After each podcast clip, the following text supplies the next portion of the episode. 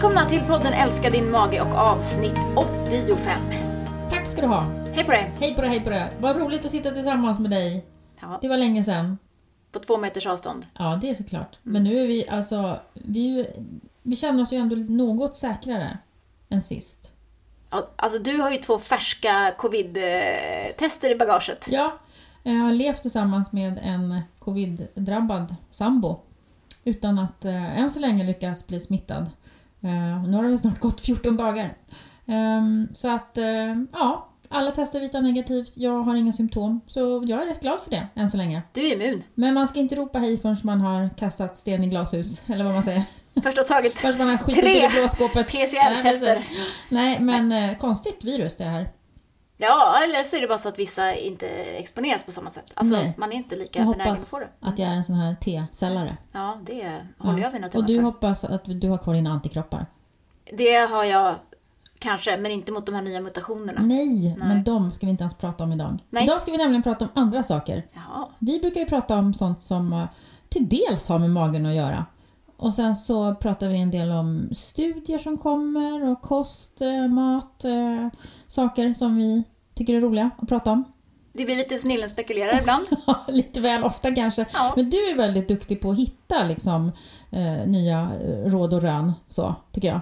Jag läser också Råd och Rön. Ja, du- Alltså den är skitbra den tidningen för Just det, övrigt. ja. Den det var ett bra grym. tips. Det var länge sedan. Den är jätte, jätterolig. Mm. Eh, alltså jag, ehm, jag, jo men tack. Och jag, mitt senaste råd då, Mm. som blev ät 25 olika grönsaker per vecka, som jag levererade i Nyhetsmorgon här förra veckan. ehm, det gav ju lite det gav lite ändå Skvalp liv, i ja, liv i luckan alltså. Liv ja, det var många roligt. som hörde av sig och tyckte att det där var ju, det där var ju bra. Och så var det någon som blev lite kränkta för att eh, sallad, gurka, tomat, hallå. Dissade du? Ja, det gjorde jag. Jag var ganska tydlig. Tomatodlarna blev ledsna. Nej men eh, jag har ju gjort en, jag gjorde en liten utmaning på jobbet också. Jag la ut eh, listor eh, och eh, skrev lite om de här, eh, bakgrunden till det här. Varför pratar man om att man helst ska äta 25-30 olika vegetabilier i veckan? Ehm, och så kunde folk ta med sig hem listor och börja skriva hur många det blev. Och det var lite kul för att det var många som grep sig an den utmaningen.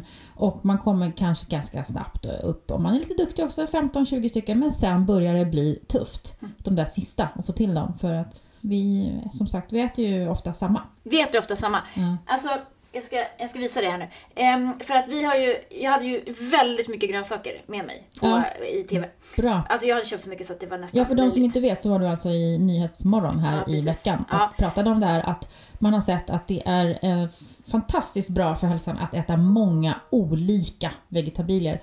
Nästan viktigare faktor än att äta mycket vegetariskt. Ja, precis. Alltså om man förstår det. För man kan ju äta vegetariskt men man äter samma 15 eh, vegetabilier som snurrar runt. Exakt. Då är det liksom viktigare för tarmhälsan och tarmhälsan hänger ihop med vår övriga hälsa. Det kan vi väl ändå slå fast Ja, utan att ljuga. Eh, att det var viktigare att äta många olika. just. Mm. Så här såg min middag ut. Ah. Nu visar jag en plåt här med, med alla Härligt. olika sorters. Jag tror jag... Vissa middagar då, den här veckan, för jag tänkte nu ska jag inte svi- svinna de här grejerna, utan nu ska jag äta upp allting jag har köpt. Mm. Då, då fick jag nog ihop alltså mellan 12 och 15 grönsaker på en middag. Det är bra gjort. Det är, Det är bra. Ja. Och då är det så här ett brysselkål, Ja. en bit rödbeta, en bit gulbeta. Ja, Ja, allt nej, men det, räknas. var, det var nice. Det är underbart, det är ja, gott. det är det. Så att det är liksom lite... det- Om man nu tänker så här, men jag älskar ju broccoli, jag äter 500 gram lite då Varje och då. dag. Mm. Ja, då är ju det bra, men det är ju... Man är inte riktigt hemma. Nej, Nej. utan hellre försöka tänka på eh, mångfalden som i så mycket annat också. Mm. Och det finns ju så otroligt mycket gott och saker som man också liksom går förbi lite grann. Man, Du tänker på kålrabi? kohlrabi, majrova kanske. Kanske det, kanske. Ja. Ja, men man, man väljer samma saker. Och så, men liksom att bara just att ja, men, man provar grönkål, ja, men prova svartkål också då. Prova spetskål, prova savojkål, prova vitkål, rödkål. Alltså gud vad, vi tjatar alltid om kål känns det som. Men det, det är så bra. Jag, häromkvällen åt jag en väldigt god rätt som var en rostad eh, spetskål där man hade brynt lite smör och så var det lite citron eh, över och eh, så hade man rostat vita bönor och lite gnoc- gnocchi, gnocchi, gnocchi. Ja. Ja. Och så var lite eh, några färska örter. Jag viftar nu här med den här hög-FODMAP-flaggan här Ja, ja, ja, precis. Men eh, man kan ju... Eh, jag har ju inte, jag har inte IBS. Nej. Så att, det var en väldigt god, god rätt. Men rostad spetskål är Otroligt gott. väldigt gott. Mm. I klyftor, stora klyftor, man kan steka dem på pannan, rosta dem i ugnen och så... Um, Kommer lite västerbottenost kanske. Det är fint fint. Mm. Lite havregrädde brukar jag man ha på också, min. Och så ja. bara Så då blir det som Ja. stuvad kål ju, Ja. lite grann kan man säga, när är man så använder någon sån produkt. Mycket gott. Ja. Jag eh, pratade förra veckan om att jag skulle eh, ta upp eh, en, en, liten, en lite rolig företeelse faktiskt egentligen, snarare än resultatet, men på två olika studier som kom då förra veckan, eller förra, förra veckan eller vad det nu var. Och det var egentligen två olika grupper av eh, kostanhängare. Dels den veganska gruppen, David Stenholtz bland annat, Läkare för framtiden, och dels då Kostfonden, Ann Fernholm och gänget. Som båda två inom loppet av ja, men en kort tid på mina sociala medier i alla fall, så här, joho! Nu är det bevisat! Hmm, kost hjälper mot fettlever. Och så var det liksom båda grupperna publicerade samma, inte samma studie naturligtvis, men samma, samma typ av resultat. Att deras kost minskade minsann risken för fettlever. Och då tänkte jag så här, gud det är så himla Vad roligt. Ja, det är kul, och det är, men det, det visar ju lite på utmaningen att, att veta hur, hur ska jag göra då? då? Mm. För det är Precis. liksom ganska vitt skilda sätt att äta på. LCHF, som var då den ena studien, LCHF fasta, 5.2, kontra då vegansk kost. Men båda ger ju en, en förbättring då. Har tydligen gjort det. Och det var inte, vad jag kunde se i studierna, titta lite snabbt, att det var inte stora, stora viktnedgångar som var förknippade med just det här. Speciellt inte vegankoststudien. För det är ju annars liksom de, det rådet man får om man har en fettlever och en övervikt så är det ju oftast att gå ner i vikt hjälper ju på fettlevern. Mm. men det är väl också för att visa, jag tycker kan man konkludera någonting av det här så är det ju kanske mer att personliga råd, eh, individanpassade kostråd är eh, nog vägen fram mycket mera än det har varit. Att det inte är en diet som passar alla. Utan man kan, det kan vara olika men man kan få ett resultat. Precis. Mm. Och då är vi de första att säga hurra, grattis, du lyckades gå ner i vikt till exempel. Mm. Eh, oavsett hur man har lyckats göra det så tycker vi att alla sätt är ju bra, Mm. i stort sett alla. Men sen är det återigen så här, vad gör man sen då? Det är ju det som är den svåra nöten att knäcka. Eh, och, och, och så är det ju verkligen, att många lyckas gå ner i vikt men eh, det är verkligen svårt. De färreste, typ, när man speciellt kanske också hamnat i större BMI, när vi börjar prata fetma, eh, lyckas ju på sikt behålla sin, sin nya vikt. Mm. Men eh, det kan man läsa mer om i en bok som heter Slutbantat, som vi har pratat om tidigare. Det. Om den här komplexiteten i detta problem. Erik Hemmingsson va? Mm, just det. Ja men för jag tänker du som jobbar med, med överviktskirurgi, Mm, heter Ulla. just det. Eh, jag tänker ofta att man lyckas, eller det hör jag ju, så här, ja men min mamma gjorde ju en sån där och, och det gick ju bra först, och men sen gick ju hon upp allt igen. Mm. Det då- händer ju också även med överviktskirurgi och det är, bevis, det är väl också ett tecken på hur svårt det här är. Och, och där är ju operationen, den är ju bara ett verktyg. Eh, verkligen ett, ett bra, effektivt verktyg men den kräver sitt jobb av den personen som, som gör en sån operation. Och det handlar ju om ett, två år som man får jobba med de här nya vanorna och få till dem. Och speciellt jobba med det i början när man har gjort operationen för det är då verktyget är som mest effektivt. Men det går ju runda också genom att börja småäta eller äta sånt som innehåller mycket energi. Så det där är det ju verkligen att jobba på sina, sina nya vanor. För det är ju liksom som att har man haft den här viktresan upp och ner några gånger så är det precis som att man har blivit lite mer känslig Mm. för kalorierna. Man tål inte samma mängd kalorier eh, som en, en icke-bantande person helt enkelt. Utan man måste resten av livet ligga något lägre för att bara förhindra en viktuppgång och det är ju det som blir det tuffa. Ja, det kan man tycka är orättvist, men, men eh, det är ju lite grann som att ja, alltså många känner ju heller inte till att, att viktnedgång och viktuppgång är ju egentligen lika stora påfrestningar på kropp och framförallt hjärta. Så att hålla på och gå upp och ner i vikt hela tiden, det är ju inget... Ja, om man lyckas liksom gå ner i vikt och lyckas stanna där, det är ju bra. Det är bra. Men att hålla på upp och ner är ju en enorm påfrestning för kroppen alltså. Mm. Och det händer så otroligt mycket hormonellt och mm, cellmässigt i kroppen när, när de här viktnedgångarna och uppgångarna sker. Eh, och att man, ja, man förlorar en del muskelmassa när man går ner i vikt och sen är det ofta att man då lägger på sig fettmassa istället. Så då har du ju minskat din förbränning ytterligare, Mm. kanske din liksom, vad heter det, grundförbränning då. Håller man på så några gånger så det blir inget bra. Så det, det där, är det där, alltså det här, nu börjar vi prata om någonting helt annat. Men det här är ju verkligen en problematik som eh, på samhällsnivå man skulle jobba preventivt för att man ska inte hamna där. Barn, ungdomar jobba där. För att har man en gång hamnat där så är det så himla tufft. Men eh, så som det ser ut idag, i alla fall i vår del av världen, så, så, så jobbar man ju inte direkt för det. Utan, eller ja, klart man gör, men och samtidigt gör man ju inte. Vi blir allt mer stillasittande, vi omges av mat som innehåller så mycket energi, eh, som är så lätt att få tag på. Eh, ja, det finns många exempel. Man skulle behöva jobba mycket mer preventivt tycker jag. Men då kan man i alla fall konkludera att det finns många sätt att gå ner i vikt på och det finns inte ett sätt som passar alla. Det här med en begränsning i ätfönstret till exempel Mm. verkar ju vara otroligt effektivt och verkligen, verkligen nyttigt. Jag har ju nu kört sen sist då. då. Jag, ska fort, jag har fortfarande inte pratat om... Mm. Är du igång med en Min bok. egen studie? Ja, jag är i en egen Ja. studie, absolut. Eh, Du är men som en omvandlad egen studie Ja, på dig själv. precis. Som en omvandlad försöksperson. jag gör om den hela tiden också. Jag gör om precis. studien. Den är aldrig klar. Nya teorier. Ja, nej men alltså, eh, jag har ju förändrat nu i, i, ja, men det är i alla fall kanske tre veckor, fyra veckor. Eh, det faktum att jag inte äter någonting efter middag. Alltså, jag, ingenting. Nej. Inte ens, ja, alltså något, något litet, inte en frukt, ingenting. Eh, och det har ju gjort, alltså jag vaknar ju kvart i sex varje morgon och bara, ja, nu går vi upp. Jag har blivit så mycket piggare, går inte upp på natten på toaletten och kissar eller så. Och det gör ju ingen annan heller. För vi har ju samma, liksom, alla kör samma mönster här. Ja. Så att ingen väcker någon annan. Ja, vilket det. är så himla Ja, schysst. ja. Så att jag och, och min sambo, men det, det liksom funkar så bra. Mm. Så ni äter middag och sen så bara inget mer? Nej. Nej, nej men det Ska man ha någonting extra då, då får man käka det direkt efter middagen. Ja, okej. Mm. Bara, nu ska du... Nu det. Fram med popcornen! Men inte ens ha en kopp te eller så? Te kan man ju dricka, det är ju lugnt. Eh, För det gör jag ibland Ja. på kvällarna. ja, det är okej, men annars så är det ju liksom... Sen har jag en Ingenting. sambo som har självbehandlat sig med glass medan han har varit covidsjuk. Det är det Ja, enda, som, enda det. som biter på, på covid, säger han. Det är glassen. Mm. Ja. Så, så jag kämpar med de frestelserna på kvällarna. Men Sitter då är det, då är det min- lättare att ha en Sitter jag där med min pucka-te och bara ja... nej, Gott det här! Nej. Nej men alltså då är det, jag tycker att det är lättare att ha någonting att förhålla sig till. Typ som att nu äter jag inget mer. Ja, men, Och så kan man absolut. slippa jag tänka på det. Ja, Ja. Men så kan jag också göra ibland om jag kör en låg kaloridag, vilket jag gör lite då och då. Då, då är det lättare för mig att bara säga, men idag är en sån där dag. Jag landar någonstans kanske på 500-600 kalorier idag. Det är bara så det ser ut idag. Mm. Då, då överväger jag inte ens att ta något liksom, på det där bullfatet på jobbet eller vad det nu är. Det är bra. Det är jättebra. Mm. Det enda är ju att när man äter mindre Ja, eh, och färre mål Mm. så är det ännu mer fokus på näring, ja fibrer. det är bra. Då går det liksom inte att hoppa över och bara ta en, en, ett kopp te, en kopp te eller någonting annat för det blir inte så fint i slutändan då. Så är det.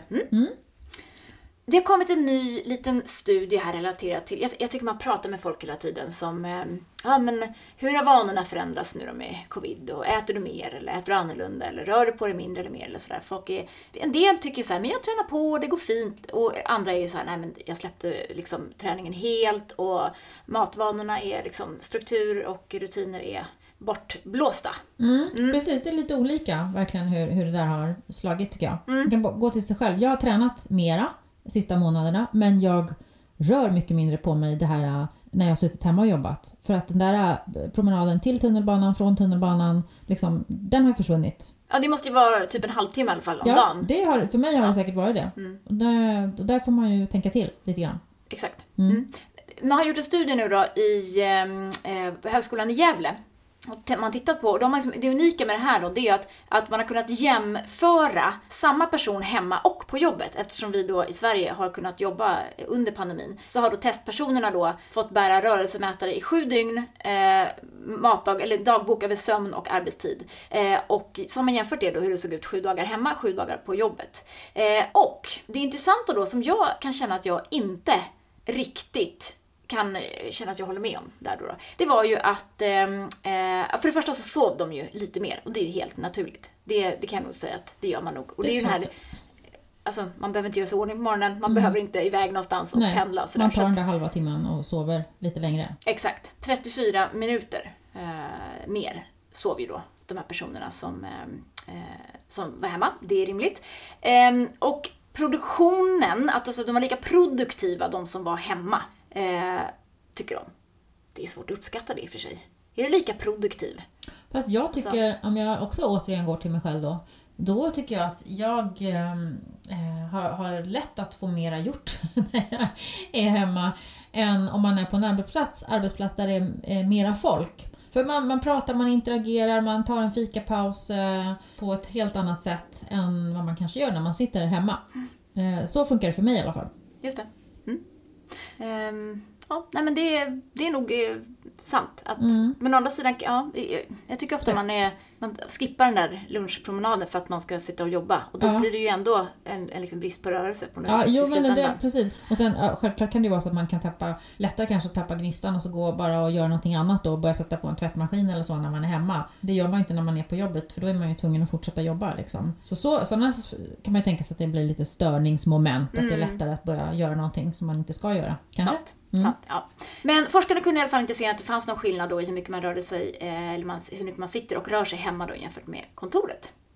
Eh, så att, och välbefinnandet mätte de, eh, mätte de också då. Det var en tredjedel som inte såg någon förändring och en tredjedel tyckte att det var bättre och en tredjedel tyckte det var sämre mm -hmm. än innan pandemin. Ja, ja. Då, det var ju plus liksom minus noll. Ja, men lite så faktiskt. Eh, och sen är det ju så här, de konstaterar ju här att det här är ju naturligtvis inte lika för alla. Det beror på vilken bransch man är i och hur pass ensam man känner sig i den sociala kontexten. Om man är singel till exempel så kanske man tycker det är urtråkigt att ha blivit liksom, fråntagen sina arbetskollegor. Är man stor familj kanske man tvärtom tycker det är för liksom, skönt att få sitta själv och inte ha massa människor runt sig. Mm, ja, mm. ja det, och jag tänker att det har varit en utmaning för vissa det har man också förstått, familjer då när både mamma och pappa ska sitta hemma och kanske barn som också ska sitta hemma från skolan eller kanske har varit hemma och är förkylda eller har haft symptom. Alltså det har ju säkerligen varit en påfrestning många gånger. Ja. Det har jag också Tänker förstått. Jag. Mm. Att små barn, eh, mm. de ska vara hemma och man ska sitta och jobba samtidigt. Det här med att vabba, det, det har ju liksom, det, det, finns ju inte riktigt längre. Nej.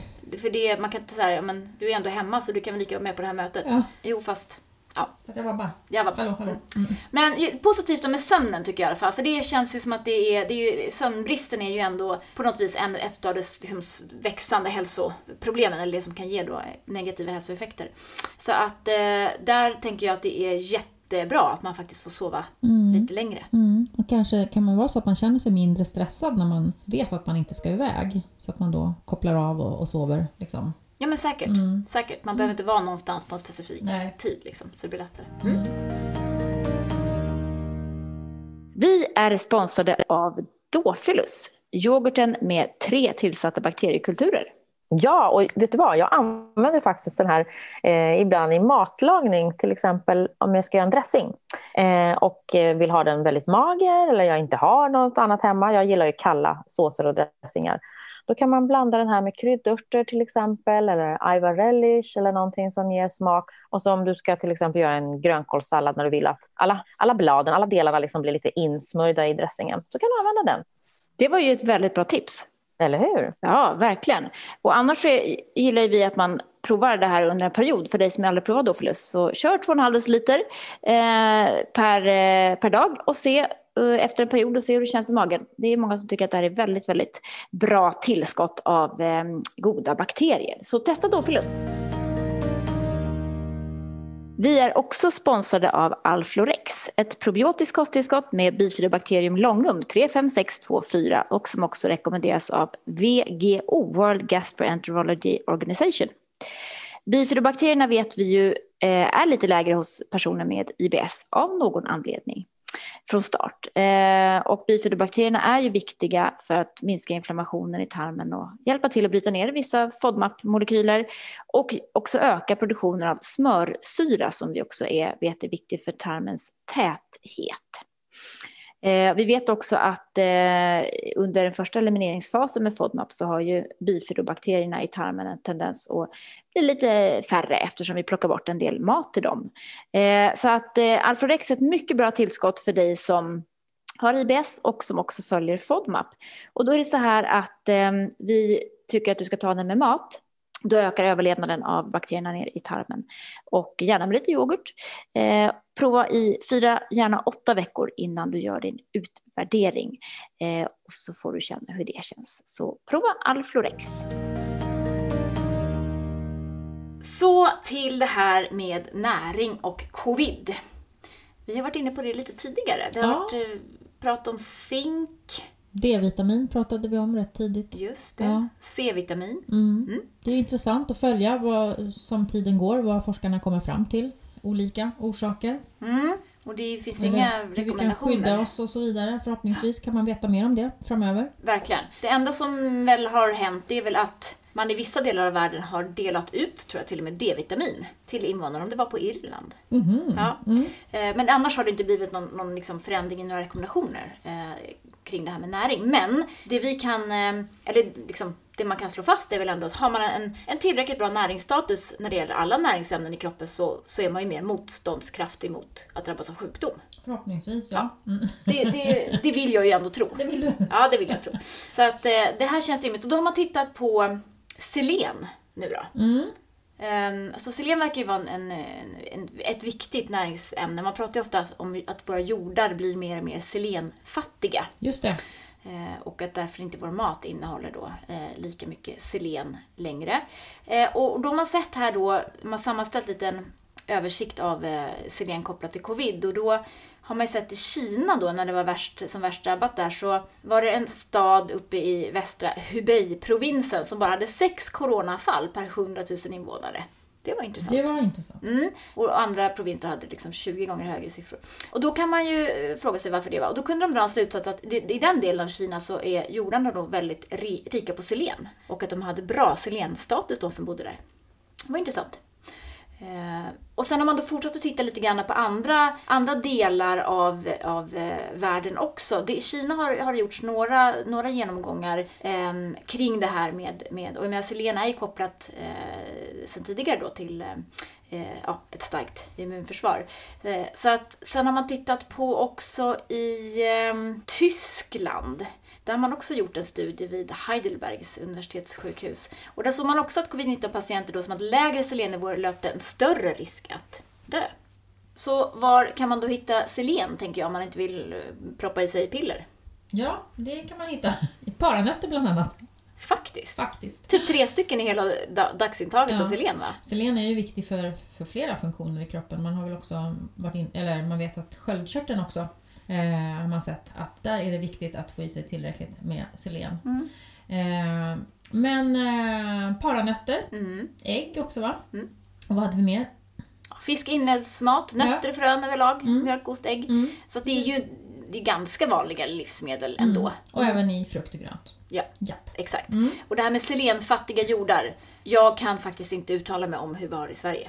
Nej, men det ska väl visst vara så att vi har rätt selenfattigt, vad, vad jag har hört. Ja, just det. Ehm, men ja, Jag ska rota rätt på de där studierna med selen och Q10 här i Sverige. För det, var, det kommer jag ihåg var något svenskt eh, man tittat på. Det kan Mm. vara intressant att, intressant. att kika på det. Mm. Yes. Så till en liten studie om goda bakterier, alltså probiotika då hos prematura barn, alltså för tidigt födda barn. Eh, De här små barnen har ju ehm, en benägenhet att drabbas av svår inflammation i tarmen. Eh, Och det är ett väldigt allvarligt sjukdomstillstånd som kallas för nekrotiserande enterokolit. Och då är det så att ett av tre drabbade barn faktiskt dör. De som överlever får ofta långvariga komplikationer. Det här är naturligtvis otroligt eh, jobbigt. Och eh, då vill man ju veta då, i den här studien hos, eh, då om ehm, om bakteriesammansättningen eh, hos prematurer har man då sett att den, den är annorlunda eh, än hos, den, hos nyfödda efter en normal lång graviditet. Eh, och då vill man ju undersöka då om man kan tillföra vissa bakterier eller probiotika för att då minska risken för den här typen av, eh, av sjukdomstillstånd. Och tidigare har man sett att Lactobacillus reuteri skulle kunna minska den här risken hos lite större för tidigt födda barn. Eh, men nu har man alltså undersökt detta hos, både Linköping och Stockholm är den här studien gjord. Barn som är födda då graviditetsvecka 23 till 28. Mm. Alltså väger mindre än ett kilo då. Ja, små pluttisar. Ja, små pluttisar. Mm. Eh, Och då ser man ändå en skillnad i bakteriefloran eh, i tarmen för de delade upp de här då i en placebogrupp och en som fick aktiv behandling. Och eh, den första månaden då, den probiotiska behandlingen, eh, man såg då framför allt att potentiellt sjukdomsframkallande bakterier, Staphylococcus och Klebsiella då, var mer vanligt förekommande i den obehandlade gruppen. Så då, då, man kan inte säga någonting än så länge om att, att probiotika kan hjälpa de här då extremt för tidigt födda barnen. Men det, det, det pekar ju ändå på eh, en, en positiv eh, effekt. Mm. Och man använder väl också probiotika på allt fler neonatalavdelningar. Ja. att man anser att det finns vetenskapligt stöd för det. Mm. Och att det inte är, eh, att, att det är säkert att använda då på vissa typer då, tydligen. Mm. Mm. Ja men precis. Så det här är ju ett steg ytterligare då. Vi har ju pratat en hel del om, eh, om mamma-barn bakterieflora Just och det. eh, att barn duttas med mammans vaginala eh, bakterieflora när de föds, alltså kejsarsnittsfödda Kejsarsnitt. Mm, barn och sådär med goda resultat. Så Mm. att eh, det går ju framåt Det gör det. detta. Men återigen Vi så, Vi förstår att det är viktigt att få en bra eh, tarmflora med sig från Ja. början. verkligen. Det, det är rätt fint om man har det. Det är upp till Man kan mamman. vara glad om man har det. Nej, det är inte upp till mamman bara. Nej, Men mycket kommer nu ska ju... vi inte Nej, lägga någon... vi lägger inga värderingar. Men det är ju fint att optimera det så gott man kan. Så Såklart. gör alla, alla precis det man, Mm. det man kan. Mm.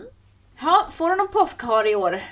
Påskhare har jag väl aldrig fått. Nej, han brukar väl komma? Ja, precis. Påskägg kan man väl få om man har lite tur då. Ja. Jag vet faktiskt inte hur det står till med det i år. Eh, man, kan ju hoppas, om man säger så. Mm. Men alltså jag är ju liksom påskgodis, ja, nej, jag vet inte. Jag är ju mera mat, liksom, matintresserad än godisintresserad. Sen kan det ju vara gott med en liten godisbit, en liten marsipanhare kan man väl äta. Verkligen. Alltså annars ett pocherat ägg med hemgjord eh, hollandaisesås. Ja, men det är ju sånt och som en jag går eh, igång på. färsk svensk sparris Ja, på precis. toppen.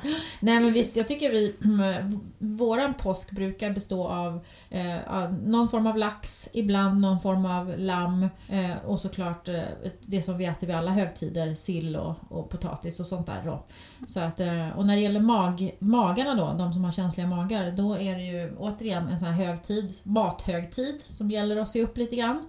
Men, Då tar du alltså julbordet då och så du kopierar du det. Och så kopierar du det och så plockar du bort samma saker. Så som- byter du påsk till påskmust. Precis. Ja, den påskmusten den kom ju för länge sedan, Ja. såg jag i affären.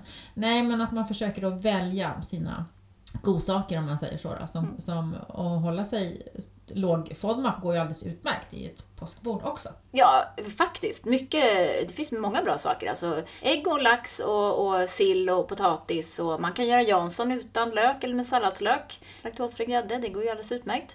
Eh, Köttbullar kan man göra om man känner för det utan Mm. eh, lök eller med salladslök. Absolut. Eller så hittar man på nya påsktraditionsrätter kanske. Det är ett Så man inte alternativ. behöver äta samma sak varenda högtid. Nej, men det är, jag tycker att just den här tiden är väl också att man har lite lust att äta så här lite fräschare grejer och då finns det ju så otroligt mycket gott att göra eh, som är bortom Janssons frestelse och köttbullar tycker jag. Västerbottenpaj. Ja, det är också en klassiker. Den är ju rätt tung dock, det ska man komma ihåg. Inte så fräsch. Den är rätt, just också om man har en känslig mage. Mm. Det blir ju ett, typ en bonanza av fett i en sån Mm. paj. Väldigt god, ta en liten bit. Och så tar man någon god sallad till det kanske. Precis. Inte isbergssallad då enligt dietist Nej, Sofia Antonsson. det gör sig icke grönkål. besvär. Gör sig icke Ja. besvär. Det är inte ens värt att tugga. Nej, men alltså grönkålen är ju fantastisk. Svartkålen tänker jag också man kan liksom eh, eh, fräsa på lite, lägga på bredvid det här lilla lamm, lammfilén Ja. och alltså sådär. Man kan liksom dekorera upp det här, det blir så otroligt vackert också. Mm, mm. Och sen, som vi brukar prata om, det där med att man utgår ifrån de härliga grönsakerna. Sen lägger man till protein, det lilla lammet eller eh, laxen eller vad det nu är, som, som, mer som ett tillbehör. Men man ger kärlek och omtanke till vilka grönsaker man ska ha på tallriken Mm. först. Det gillar jag. Verkligen. Eh, påskmust, påsköl. De kan ju få bubbla ur lite grann. Man behöver inte dricka dem liksom superdräkt ur flaskan. Eh, det går oftast ganska bra med en liten mängd. Marsipan är det ju många som frågar om, för det Mm. innehåller ju mandel oftast. Men alltså, om man inte äter väldigt mycket så tänker jag att det är, det är ingen jättestor symptombildare. Det brukar inte vara det. Nej. Det brukar ju som vi pratar om oftast vara mängden, summan av kardemumman som gör att det, om magen protesterar. För att man äter kanske mycket mer mat än man brukar göra. Ja, och 1,4 kilo godis per person eh, under påskhelgen. Är det så pass mycket? Mm. Oh my god. Det är ju, det är det är hemskt Mycket. mycket. Ja, Mm. det är det. Ja. Och det kommer jag också göra. Jaha, ja, du Säkert. är ja, säker. Ja, inte kanske så mycket. Jag är mer för Nej, men liksom du är inte så mycket. Du tar ju några bitar, sen är du jättenöjd. Ja, det jag jag, känner dig. jag kan ändå stoppa där. Jag tycker ändå de här fina primörerna, det gör mer för mig. Mm, ja, håller med. Håller med. vis. Mm. Hörni, vi önskar er då med, med detta eh, en jättehärlig påsk. Ja, vi hoppas Påskhelg. på solsken och mycket härliga utetimmar Verkligen. i hela landet. Det gör vi. Och vill ni då veta mer om oss så går ni in på bellybalance.se. Eh, ni kan också ladda ner den här eh, appen som heter Belly Balance och där har vi vår digitala IBS-behandling. Och där kan man nu faktiskt testa våran scanner. Just det! Alltså FODMAP-scannern. Du kan läsa av eh, streckkoden där.